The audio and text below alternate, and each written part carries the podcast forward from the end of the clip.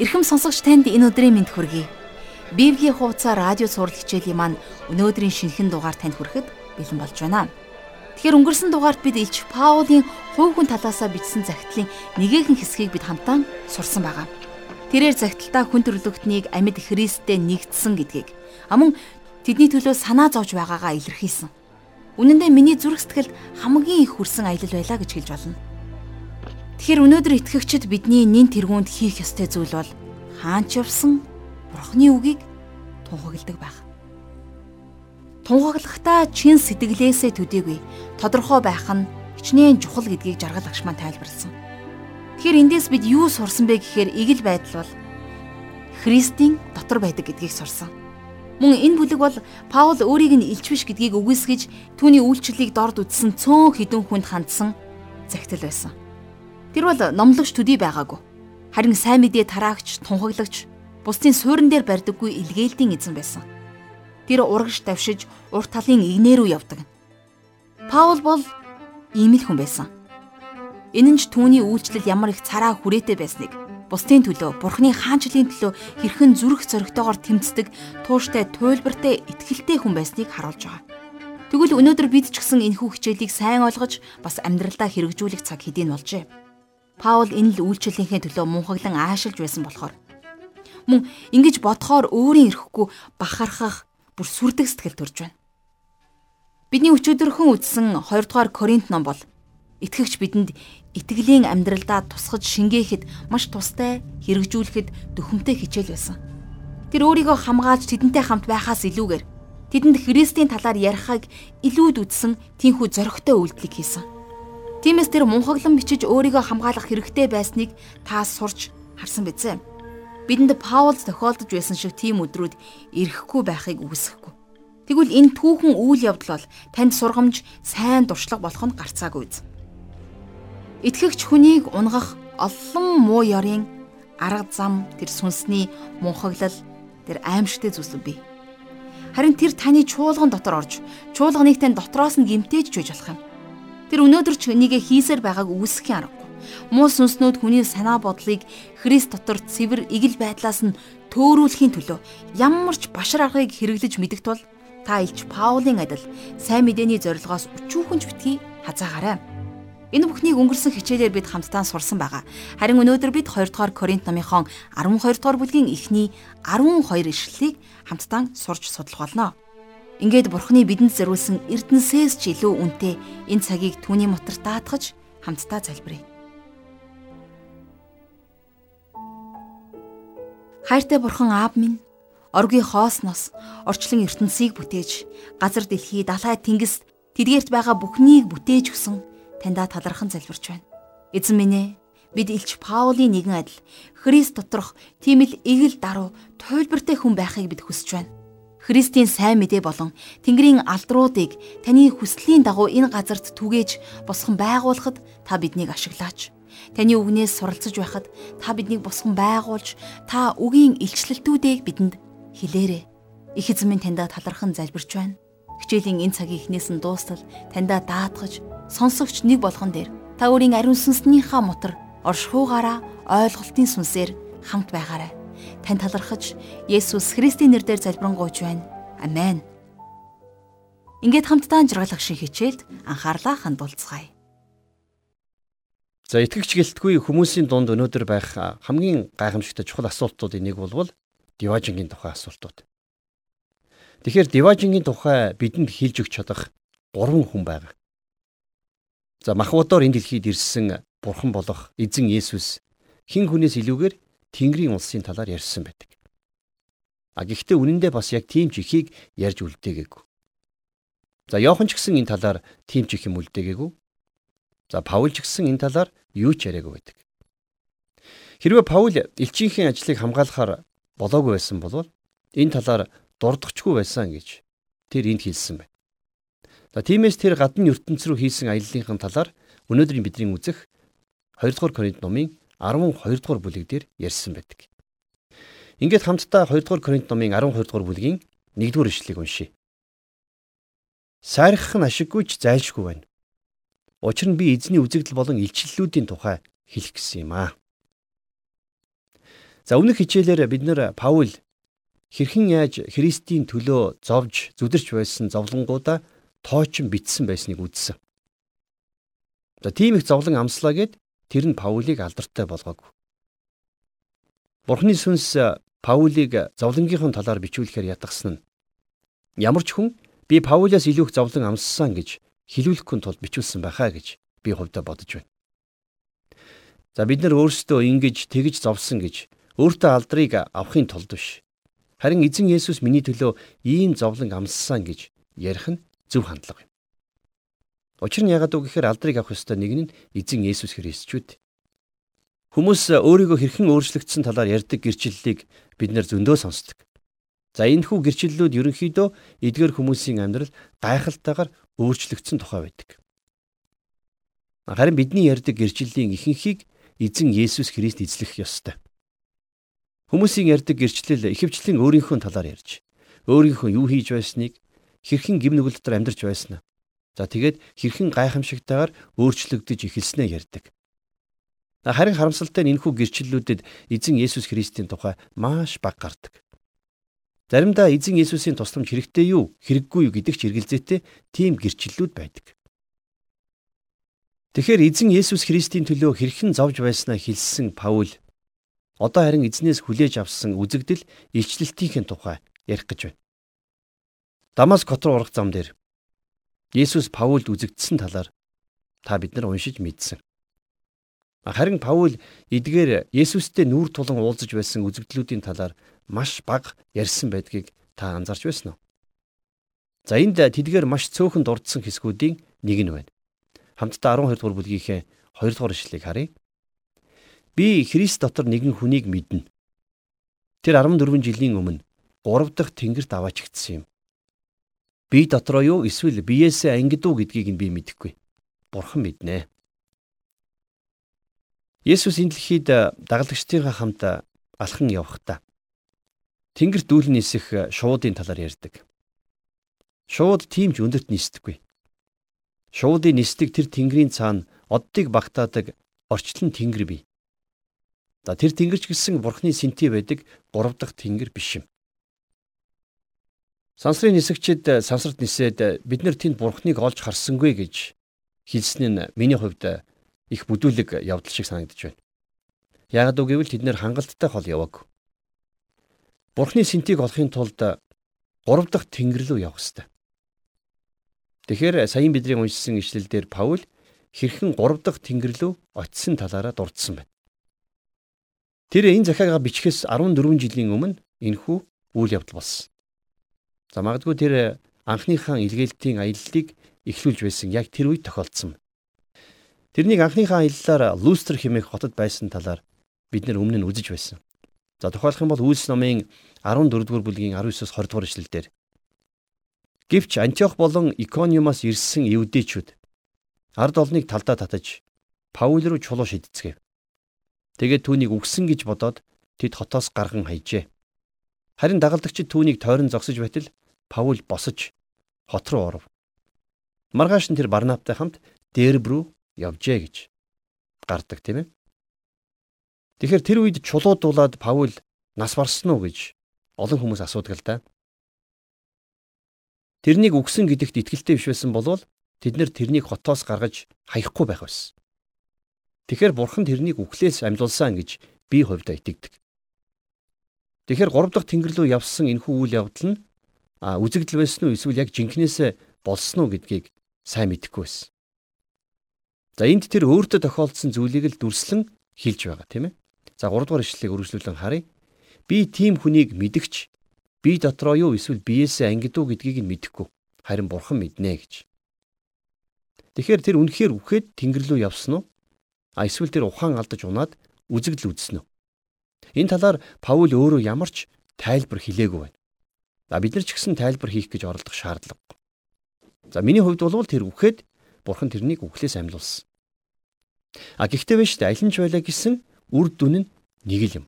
Ягаад үг гэхээр тэр ямар ч байсан 3 дахь тэнгэр буюу Бурхны синтийг олж харсан байна.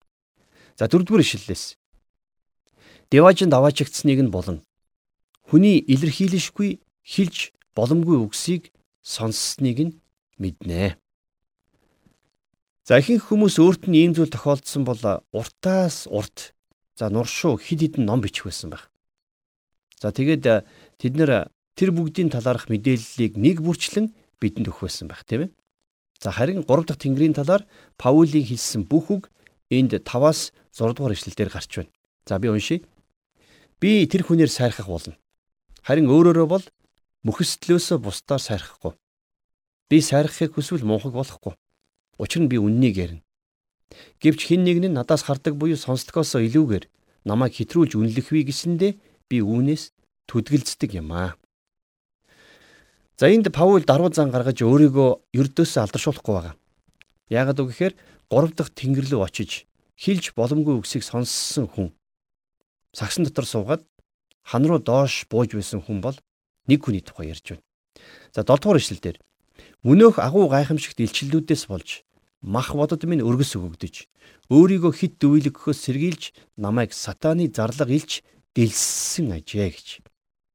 За тэгэхээр энд Паул биднэрт 3 дахь тэнгэрийн талаар биш харин өөрийнхөө дорой мөхөстлийнхөө талаар ярьж байна. Яагаад? За яагаад гэхлээр 3 дахь тэнгэрийн талаар ярьж болохгүй гэж тэрэнд хэлсэн учраас юм. Сатан олон удаа бурхны гэрчийг устгах гэж оролддог. Муурийн сүнс бурхны гэрчүүдээс салж ангижрахын тулд өвчин, тахал, махан бийдэх өргөсүүдийг ашигладаг. За тэгвэл Паулийн ярьж байгаа махвддах өргөс нь яг юу байсан бэ? За би энэ танд багахан нууцыг энд хэлмээр байна. Та бусдад хараагаад явахгүй байхаа гэж би найдаж байна. За энэ жижигхэн нууц бол Паул 3 дахь тэнгэрт очиж юу сонсож юу харсныг бол би мэдэхгүй. Түүний махан бийдэх өргөс нь юу байсныг ч би мэдэхгүй. Би яагаад мэдэхгүй вэ гэхээр Паул бидэнд тодорхой хэлээгүй. За Шотландын нэгэн Библийн номлогч хүн Паулийн бийдэх өргөсийг тэрний эхнэр нь байсан гэж нэгэн удаа хэлсэн байдаг. За магадгүй тэр Шотланд тайлбарлагч өөрөө гэр бүлдээ асуудалтай байсан байхаа гэж би хувьдаа бодож байна. Би бол хувьдаа тэрний тайлбартай санал нийлдэггүй. А би Паулийг урд нь гэрлэж байсан. За тэгээд бэлэвсэж үлдсэн байхаа гэж боддог. Паул эмэгтэй хүнийг хайрлах талаар бичиж байсан болохоор би тэрнийг нэгэн цагт үнэхээр гайхалтай сайхан их нэртэй байсан гэж бодож байна. За тэр дахин гэрлээгүй нь өөрийнхөө туулж байгаа зовлон өөр хин нэгэн эмэгтэйд туулуулахыг хүсээгүй байна. Бурхан Паулийг чимээгүй байлгаж байсан нь их сонирхолтой. Тэр зүгээр л эдгээр зүйлсийг бидэнд илчлэн харуулаагүй. Тэгэхээр Бурхан яагаад Паулийн махан биед өргөсийг зөвшөөрсөн бэ гэвэл энэ нь тэрнийг даруй байлгаж өөрийгөө өргөмжлөхөөс нь болгоомжилсан хэрэг байх нэ.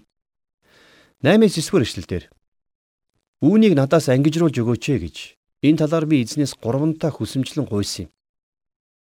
Тэр надад миний нэгүүлсэл чамд хангалттай. Учир нь мөхөстөлд миний хүч бүрэн төгс болдог гэж айлдсан.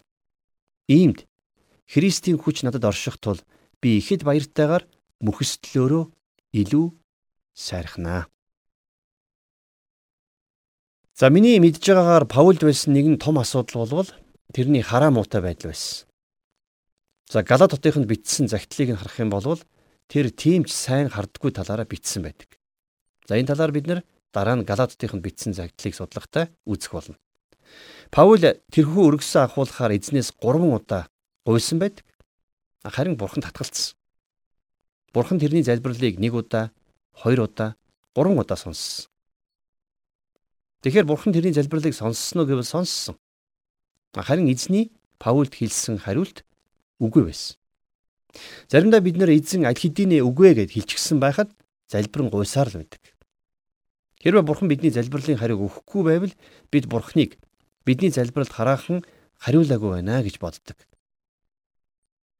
Гэхдээ эцэст нь энэ хариулт надад өгөгдөж болох хамгийн сайн боломж гэдгийг би хувьдаа сурч авсан. Эзэн Паулд миний нэгүүлсэл чамд хангалттай гэж хэлсэн. Бурхан Паулийн өргөсийг аваагүй ч гэсэн тэр өргөсийг дааж чадах нэгүслийг өгсөн байна. За тэгээд дараа нь хэлэхдээ мөхөстөлд миний хүч бүрэн төгс болдгоо гэж Бурхан Паулд хэлсэн. За өөрөөр хэлэх юм бол Паул өөрийнхөө үйлчлэлийг хийж явахдаа махан биедээ сул дорой хидий байсан ч гэсэн эзний сүнсээр хүчтэй болдог байсан. Иймд Христийн хүч надад орших тул би ихэд баяртайгаар мөхөсдлөөрөө илүү сайрхна гэж Паул эзний өгсөн хариултын талаар өөрийнхөө бодол санааг хэлсэн байдаг. За 10 дугаар эшлэлдэр Иймд Христийн төлөө мөхөсдөл, доромжлол, гачигдал, хавчлах шахалтанда би баяртай байна. Учир нь би хизээ мөхөсдөн тэр үедээ хүчтэй байдаг аа. За би энэ дахиад хуучин гэрээнээр гардаг Самсон гэгч хүний түүхийг иш татмаар байна. За хэрвээ та санаж байгаа бол Бурхны сүнс Самсоны дээр ирэхэд тэр хүчтэй болдог байсан. За тэгэд хүмүүс тэрний махан биеийн хүч чадлыг нь гайхан биширч байсан тийм ээ. Харин Самсон өөрийнхөө бүх хүч чадлыг нэгэн өдөр алддаг. Тэгэхээр хүчтэй нь мөхс болж харин мөхс нь хүчтэй болдог. Бурхан мөхс хүнийг хэргэлдэгэ гэдгийг бид нар сайн мэднэ. За одоо 11 дугаар эшлэл. Би мунхаг болжээ. Та нар өөрсдөө намайг ийм байдалд хүргэсэн шүү дээ. Үнэн дээр та нар намайг магтах ёстой байсан. Учир нь би хинч биш боловч тэдгээр онцгой элч нараас дутах зүйл надад үгүй. Паул өөрийгөө өргөж алдаршуулснараа мунхаг нэгэн болж байна гэж хэлж байна. Тэр өмнө нь олон удаа өөрийгөө өмөрч байсанчлан одоо ч гэсэн бас өмөрч байна. Паул өөрийгөө элч нараас хамгийн дорд гэж үздэг байсан ч гэсэн би хинч биш боловч тэдгээр онцгой элч нараас дутах зүйл надад үгүй гэж хэлсэн байна. Тэгэхээр эндээс харах юм бол хин нэгэн хүн Паулийг өмгөөлж хамгаалах ёстой байсан боловч хинч тийм алхам хийгээгүй юм тийм ээ. За тэгээд 12 дугаар ишлэлийг харах юм бол элчийн шинж тэмдгүүд нь бүхий л төвчээр тэмдэг гайхамшиг хийгээд хүч дор та нарын дунд илэрсэн юм аа. За тэгэхээр Христийн элч нарын үгийг баталгаажуулах тодорхой тэмдэг билгүүд элч нарт өгөгдсөн байдаг. Элч нар эдгэх бэлэгтэй байж тэд үгсэн хүнийг амьлуулж хилүүдээр ярьдаг байсан. А гэхдээ тэр ярьдаг хил нь үл мэдэгдэх юм уу эсвэл үл ойлгогдох хилнүүд биш. Олон янзын хилүүд болон нутгийн аялгуунууд байсан. За 50 хил аялгуудаа Галатаар Паул явж байхдаа тэр бүгдтэй нь ярьж чаддаг байсан. За тэр энэ бүх хил аялгуунуудыг өөрөө сурсан байсан уу гэвэл үгүй. За эртний Ромын эзэнт гүрэнд сайн мэдээг маш хурдцтай тараах шаардлагатай байсан учраас элч нарт хилээр ярих энэхүү онцгой бэлэг өгөгдсөн байсан.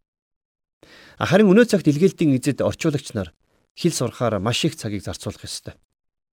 Элчийн шинж тэмдгүүд нь та нарын дунд илэрсэн юм а гэж Паул хэлсэн байгааз. Тэгэхээр Паулд элчийн бэлэг авяас байсан учраас тэд нар тэрнийг илч хэмээн тодорхойлж болох байсан байна. Хэдийгээр би танд Тэнгэрийн улсын талаар ярьж чадахгүй ч гэсэн Тэнгэрт байгаа тэрхүү нэгний талаар ярьж өгч чадна. Бид нар эзэн Есүс Христийн талаар ярьж түүн рүү хараагаа чиглүүлэх ёстой. Бид нар Есүс рүү хараагаа чиглүүлснээр олон талаараа Есүс шиг болох боломжтой. Хэрвээ бид Есүс рүү хараагаа чиглүүлвэл бидний энэ дэлхийд бадарчлах аялал маань илүү хялбар авах болно. Тийм ээ. Хэрвээ бид нар эзэн Есүс Христ рүү хамаг анхаарлаа хандуулах юм бол нарч тийм халуун санагдахгүй.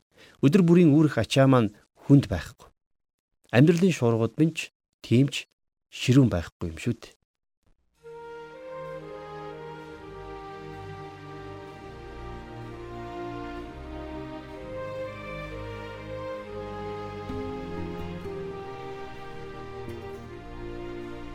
Тэгэхээр өнөөдрийн хичээлээр Паул өөрийгөө илч гэдгийг батлан хэлэхдээ 3 дахь тэнгэрт очоод ирсэн тухайгаа хэлж байгаа нь үнэхээр зоригтой алхам байлаа. Бид одоо сансрын аяллийн талаар маш олон зүйлийг сонсож болох тийм эрен цаг үед амьдарч байна. 60 70 донд энэ нь үнэндээ маш том сэдв байсныг манай Ахмад үеийнхэн сайн мэднэ. Хүн төрлөختөн саран дээр очсон амжилтыг хэдийнэ үзүүлчихэд байгаа. А гэхдээ сансрын аялалтай харьцуулахад энэ нь тийм ч хол аялал биш. Дэлхийгээс сар хүртлэх асар хол зай байгаа ч гэсэн Марс руу буюу ангар гариг руу ч юм уу өөр ямар нэгэн гаригтай харьцуулбал энэ нь тийм ч их хол зай биш юм. Хамгийн сонирхолтой нь Библиэд дэлхийн гадаад ертөнц болох сансар руу аялаад буцаж ирсэн гурван хүний тухай гардаг. Гэхдээ энэ зөвхөн шинэ гэрэн дээр Магадгүй та хуучин гэрээний бааtruуд болох Енох, Илия нар гэж бодож байж болох юм. Өнгөрсөн хичээлийн тухайд бид нэлээд олон зүйлийг энэ талаар бид олж сурж мэдсэн байгаа. Миний хувьд тэднийг диважн руу яваад ирсэн гэж бодохгүй. Иохан номын 3 дугаар бүлгийн 13 дугаар ишлэлд эзэн Есүс Тэнгэрээс доош бууж ирсэн хүний хүүгээс өөр тэнгэрт дээш гарсан хүн нэг ч үгүй гэж хэлсэн байдаг. Үүнтэй холбоотойгоор жаргал агшмаа ч гэсэн гурван тэнгэрийн талаар маш тодорхой ойлголтуудыг бидэнд зааж тайлбарлсан. Танд сануулах бүднээс бид овчхон хуваалцъя л да. Нэгдүгээрх тэнгэр нь шууд нисчвэ тэнгэр. Хоёрдугаарх нь од түгжвэ тэнгэр. Харин гурав дахь тэнгэр гэдэг бол Бурхны орших тэнгэр. Тийм ээ, энэ тэнгэр бол Бурхны орших газар юм. Тэнгэрт одсон бүхий л итгэгчдийн орон гэр тэнд бий. Тэгэхээр тэнгэрт аваачигдсан тэр нэгэн хүн бол бидний өнөөдрийн хүртэл судалсаар байгаа энэхүү загтлын эзэн болох Илч Паул билээ. Харин бид сайн мэдээ тарах учиртай. Энэ бол бидний үүрэг. Тэгснээрээ тэдгээр хүмүүс хизээ нэгэн өдөр Тэнгэрийн улсад очих болно. Харин бид Тэнгэр улсын талаар тийм ч ихийг мэдэх боломжгүй ч гэсэн Бурхны талаар түүнтэй харилцах харилцаагаараа дамжуулан мөн Библийг судлах судлаар дамжуулан Бурхны мөн чанарын талаар бид суралцаж таньж мэдэж болно. Тиймээс түүний талаарх мэдлэгээ өсгөцгөөе гэж уриалаад өнөөдрийн хичээлээ өндөрлөе. Харин танд тод томрон үлдсэн, сурч ойлгож авсан, амьдралдаа хэрэгжүүлэх ямар нэгэн зүйл байгаа бол Одоо эзний өмнө залбирлаараа очицгоё. Хайртай бурхан аав минь Тэнгэрийн улсдаа очиж тэндх алдруудыг харах боломжийг бидэнд өгсөнд баярлалаа аваа. Энэ дэлхий дээр амьдарч байхдаа таны Тэнгэрийн улсын сайн сайхныг тарихыг бид хүсэж байна. Тиймээс эзэн минь ээ танд ашиглах бүхий л зүйлсээрээ бид үйлчлэхийг таны хаант улсын төлөө төг түмдийн эзэн болох эзэн танд бурхан танд бид үйлчлэхийг хүсэж байна. Таны Тэнгэрийн ус гайхамшигтай газар боловч энэ талаар үгэндтэй нь маш бага бичигдсэн байдаг. Тиймээс магадгүй Тэнгэрийн ус хүний хэлээр тайлбарлахын аргагүй тийм гайхамшигтай үзье. Тиймээс аава өнөөдөр үдсэн хичээлийнхаа дагуу таны талаарх мэдлэгээр бид өсөж хөгжихийг хүсэж байна. Тэгтээ их ээ зөвхөн толгоо мэдлэг болгоод өнгөрөх биш. Харин зүрх сэтгэлийн сүнсний мэдлэг болгож тэглээрээ өсөхийг хүсэж байна. Ирээдүйд үзэх, эх өдрүүдэд үзэх хичээлүүдээ таньдаа өргөн залбирч байна.